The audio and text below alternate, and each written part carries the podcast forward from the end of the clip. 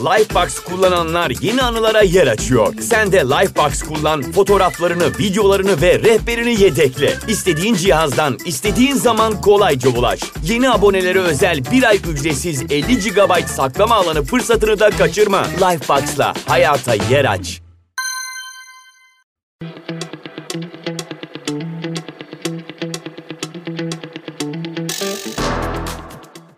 Süredir orta çağlarda gezinip duruyoruz. Artık bu bölümle birlikte modern sanatın kapılarını açma vakti geldi. Artık o ve bu dönem demek yerine yani atıyorum gotik dönem, işte Rönesans dönemi gibi dönemler sözcüğünü kullanmak yerine izinler olarak adlandırılan sanat akımlarında gezeceğiz. Başlarda 20. yüzyıl sanat akımlarını bir sıralamayla mı anlatsam diye düşündüm aslında ama Orta Çağ'da olduğu gibi bir dönem kapanıp yeni bir dönem başlamadı. 20. yüzyılda bütün sanat akımları ya birbirlerine tepki olarak ortaya çıktı ya da birbirlerinden etkilenerek, etkilendiği akıma bir yenilik getirerek ortaya çıktı. Örneğin Fransa'da başka bir akım sürerken Almanya veya Hollanda'da veya İspanya'da başka bir akım o akıma tepki olarak ya da o akımdan etkilenerek varlığını sürdürmeye devam etti. Yine de kafanızın karışmaması için birbirlerine tepki olarak ortaya çıkan akımları ya da birbirlerinden etkilenen akımları bir seri halinde de yayımlayabiliriz. Bu konuda fikirleriniz olursa bana mutlaka Instagram'dan yazın. Ne demiştik? Orta çağın kapılarını kapattık. Rönesanstı, baroktu, klasizmdi,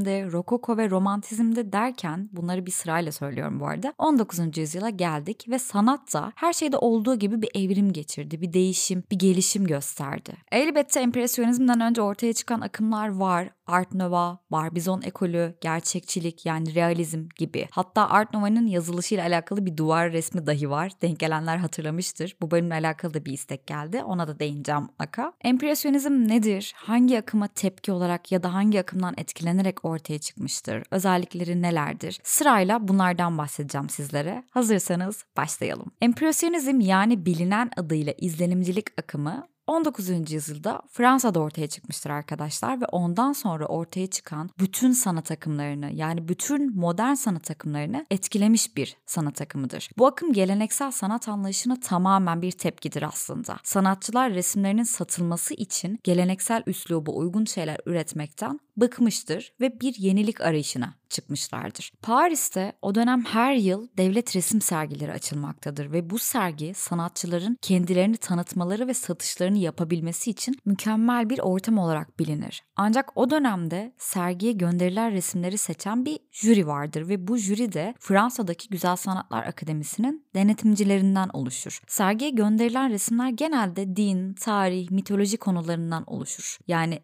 Eski dönemlerdeki gibi düşünmeyin ama bunu. Daha böyle yüzeysel, daha böyle estetik güzelliğin ön planda olduğu resimler vardır. Jüri üyeleri bu konuların barındığı resimleri genellikle kabul eder. Ve 19. yüzyılda Fransız sanat beğenisi biraz konservatiftir. Yani dönemin ressamları olabildiğince eski üstadların tarzına bağlı kalmak zorundadır. Çünkü ancak böyle o sergiye kabul edilir. Alıcılar ve izleyiciler de genellikle gerçekler yerine ideal olanı, ideal güzellikte ve estetikte olanı beğenirler. Dolayısıyla salon jürisi de eserleri seçerken bu kriterleri göz önünde bulundurur. Ancak bir süre sonra bazı sanatçılar uygun görülen tarzın tamamen dışında olan resimleri bu sergiye göndermeye başlar. Jüri tabii ki kuralların dışına çıkıldığı için gönderilen resimleri reddeder ve ve jürinin bu resimleri kabul etmemesi sanatçılar arasında çok büyük bir tepkiye yol açar. Bu tepki 3. Napolyon'un kulağına kadar intikal edince salon sergilerinin yapıldığı sanayi sarayının bir başka bölümünde Reddedilenler Salonu adında başka bir sergi açılır. Ve bu sergi salon sergisine reddedilen sanatçıların resimlerinden oluşur. Edward Manet, Claude Monet, Camille Pissarro, Paul Cézanne gibi birbirinden yetenekli ve anarşist ruhlu sanatçıların eserleri bulunur bu sergide. İşte bu serginin açılması ile geleneksel sanata aykırı olarak yapılan resimlerle birlikte modern sanat bizlere kapılarını tamamen açar. Nietzsche geleneksel değerlerden kurtulmak için eski düşüncelerden sıyrılmak gerektiğini ve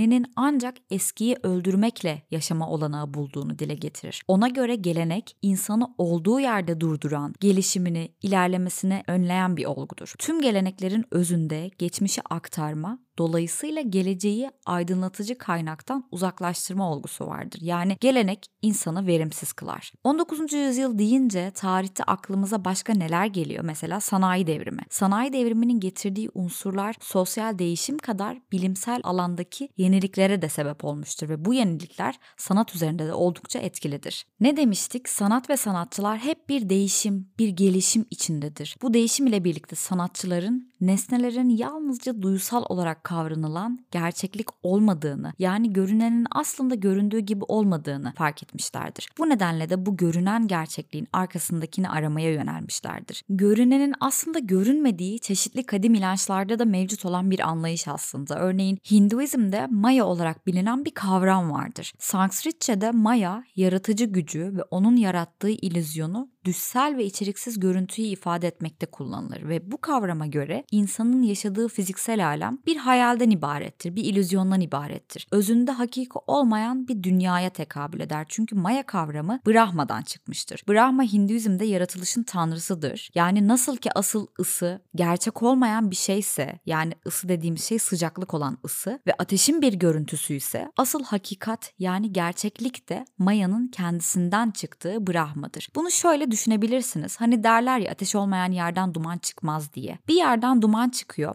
ve ısı yayılıyorsa orada ateş vardır. Isı gerçek olan bir şeyin yani ateşin bir ürünüdür ama gerçek değildir. Buna göre Maya kavramı gerçeğin bir ürünüdür ama gerçek değildir. Gerçek olan şey Brahma'dır. Arthur Schopenhauer Hint felsefesiyle yakından ilgilenen bir filozof ve bu durumla alakalı içinde yaşadığımız bu görünür dünyanın Maya'nın bir eseri olduğunu söyler. Bu dünyayı görme sanrılarına ve rüyalara benzetir ve insan bilincini çevreleyen bir peçe olduğunu dile getirir. Diyeceksiniz ki Eda bu konuya nereden girdi, nereden çıktın ama bekleyin şuna bağlayacağım şimdi. Modern sanatçılar görünüşün peçesinin arkasında saklı olan duygu ve ifadenin otantik alanlarının peşine düşmüşlerdir. Yani doğadaki unsurların kişinin kendisinde oluşturduğu izlenimleri, duygusal izleri yaratmayı hedeflemişlerdir. Bu arada sanat ve felsefe birbirinden ayrı düşünülemez arkadaşlar. O yüzden felsefeden de bol bol örnekler vererek anlatacağım. Geleneksel sanatı reddeden sanatçıları anlamlandırmakta bir sıkıntı da yaşanmıştır elbette. Çünkü onlar alışıla gelmiş anlatım dilini terk etmişlerdir. Sınırlarının ötesine geçmişlerdir ve sanatla birlikte insanlığı da bir adım öde, öteye taşımışlardır.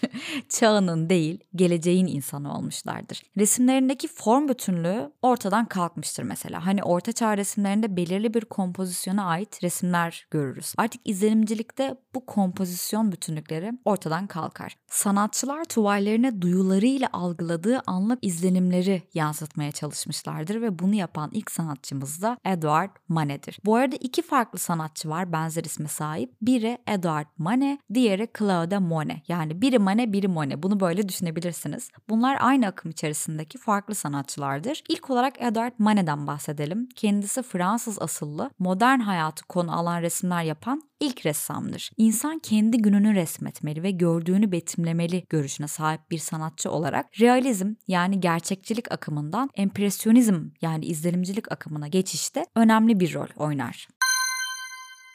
Lifebox kullananlar yeni anılara yer açıyor. Sen de Lifebox kullan, fotoğraflarını, videolarını ve rehberini yedekle. İstediğin cihazdan, istediğin zaman kolayca ulaş. Yeni abonelere özel bir ay ücretsiz 50 GB saklama alanı fırsatını da kaçırma. Lifebox'la hayata yer aç.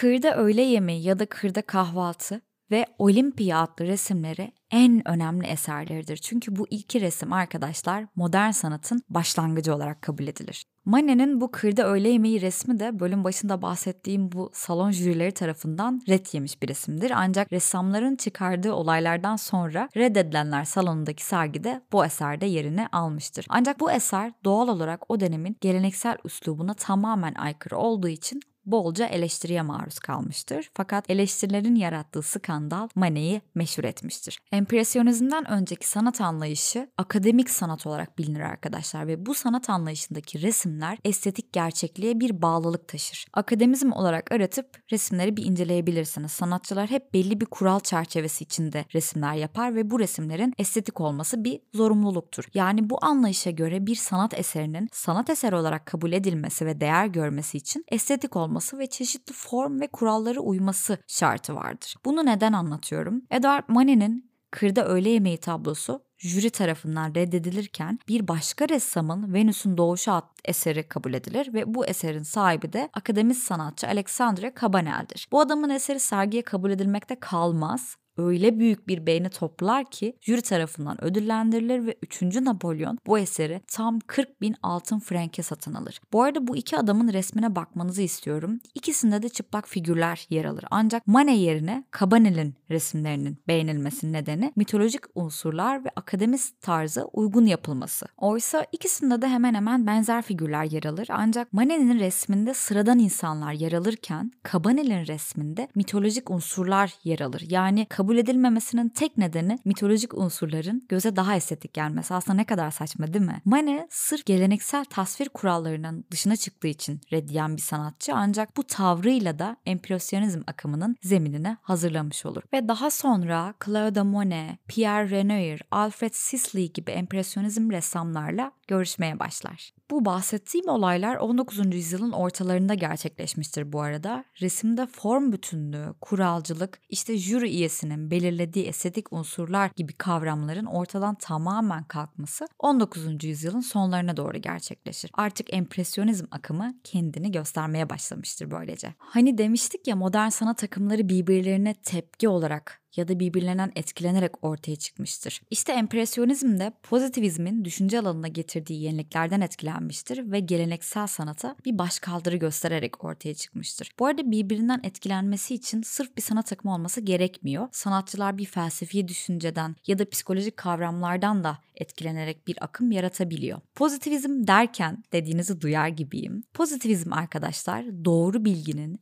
yalnızca bilimsel olduğu ve doğru bilgiye yalnızca deneycilik yani ampirizm ile ulaşabileceğini savunan bir düşünce akımıdır. İzlenim yani impression kavramı felsefede ilk defa David Hume ile önem kazanır arkadaşlar. Hume'a göre izlenim bilginin en temel ve en özgün taşıyıcısıdır. İzlenim yalnızca dış duyu verileri olmayıp tüm yalın bilinç içeriklerini de kapsar. Dolayısıyla izlenim dediğimiz şey dış ve iç duyu içeriğidir ve tüm bilginin temelinde bulunur. İşte David Hume'un bu izlenim kavramı 19. yüzyılda pozitivist felsefe anlayışının öncüsü olur. Pozitivist felsefenin gerçekleşmesinde etkili olan bir isim daha vardır arkadaşlar. O da fizikçi olarak bilinen Ernst Mach'tır. Mach'a göre duyumlar, duyularımız hem bedenin dışındaki koşullara hem de bedenin koşullarına bağlı olarak gerçeklikler dünyasında yaşayan insana dış dünyayı bildiren elemanlardır. Mach'ın bu felsefesi bir oluş felsefesidir. Duyum değişmeyeni, daima kendisiyle aynı kalanı değil, değişeni bize bildirir. Bunları neden anlatıyorum? İzlenimcilik de sürekli değişim içinde olan bu gerçekliğin resimdeki ifadesidir aslında. Sabitliğe işaret eden bir form bütünlüğü yoktur. Sanatçılar anlık görünümü resmeder ve bunu ifade ederken ışık ve rengi kullanır. Işığın nesne üzerindeki etkisine yoğunlaşma sonucunda formlar parçalanarak bir silüet haline gelir ve ışığın etkisiyle de erir ve kontur çizgileri ortadan kalkar. Yani keskin çizgiler göremeyiz bu eserlerde. Renkler izlenimcilikte ışık ve zaman açısından değişeni, akıp geçeni göstermek amacıyla kullanılır. Örneğin Claude Monet'in meşhur bir eseri var İzlenim Gün Doğumu adlı. Bölümümüzün de kapağında bulunan eser. Bu eser bu akıma ismini veren eserdir aynı zamanda. Bu esere baktığımızda gün doğumu etkisini renklerle birlikte çok net anlıyoruz. Mavinin sisli bir şekilde kullanımı ve yeni doğmakta olan bir güneşin ilk ancak zayıf ışıklarını ve o ışıkların geçişini çok net gösteriyor bizlere. İşte ışık zaman etkisini bu eserde çok net görebiliriz. Yani bu eser renk varyasyonlarından ve ışık dalgalarından ibaret bir eser aslında.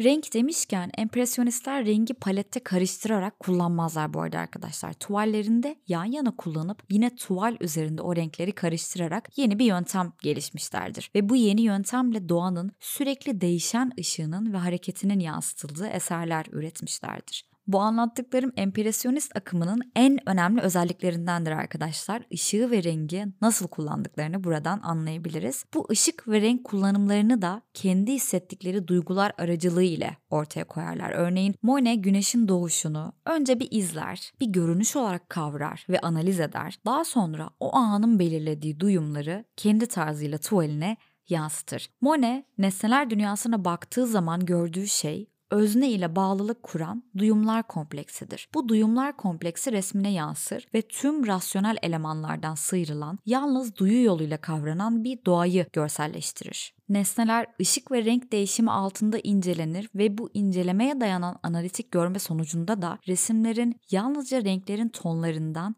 ve ışık titreşimlerinden meydana geldiğini görürüz. İşte bu sonuç bize geleneksel form anlayışının ortadan kalktığını gösterir. Kısaca izlenimciler yani empresyonistler doğrudan doğruya gerçeği değil, gördüklerinin kendisinde uyandırdığı duygu ve düşünceleri esas alır. Gerçekliği ve nesnelliği ikinci plana atarak kişisel yorumlarını ön plana çıkaran resimler yapar. Akademizmin yani akademist resimlerinin kuralcı, neoklasik üslubuyla karşılaştırıldığında empirosyonist resimler kuraldan ve sağlam bir desen temelinden hatta biçimden yoksun görünür. Karanlık tonların yerini böyle daha aydınlık, daha parlak renklerin aldığını görürüz ve ışık sanki başlı başına bir konu haline gelir. Siyahla elde edilen gölgelendirmeler mesela yok olur. Yani açık koyu ton farklarıyla elde edilen başka bir hacimsellik anlayışı ortaya çıkar. Rönesans'tan beri kullanılan o bilimsel perspektif dediğimiz kavramı empresyonizmde pek görmeyiz. Yani çizgiye dayanmayan ve renkle elde edilen derinlik efekti yerine hava perspektifi dediğimiz bir efekte bırakır. Uzaklıklar ve yakınlıklar bir çizgiyle, bir doğrusallıkla değil, renklerle ifade edilir. Bu arada empresyonist sanatçılar resimlerini bir atölye ortamında yapmazlar. Işığın anlık değişimlerini yakalamak adına doğaya çıkarlar, doğada resimlerini yaparlar. Hatta Monet'in bir sandal kiraladığını ve sandalı yüzen bir atölye haline getirip resimlerini bu sandalda yaptığı söylenir. Ayrıca empresyonist sanatçıların açık havada çalışabilmelerinin yeni teknik olanaklarla mümkün olduğunu da belirteyim. Önceden sanatçılar boyalarını doğadan elde ettikleri çeşitli malzemelerle yaparken 19. yüzyılın ortalarında yağlı boyalar artık metal tüplerde satılmaya başlanmıştı ve bu durumda ressamların doğada çalışabilmesini ciddi anlamda kolaylaştırmıştı. Empresyonizmin başlıca özellikleri bunlardır arkadaşlar. Empresyonistlerin konusu her şeyden önce kendi izlenimleridir. Sanatçılar dünyayı gördüğü ve duyduğu şekilde resmeder. Bir sonraki bölümümüzde empresyonist sanatçılara da değineceğim. Yeni bölümleri kaçırmamak için beni takip etmeyi unutmayın. Kendinize güzel bakın, sanatla kalın, hoşçakalın.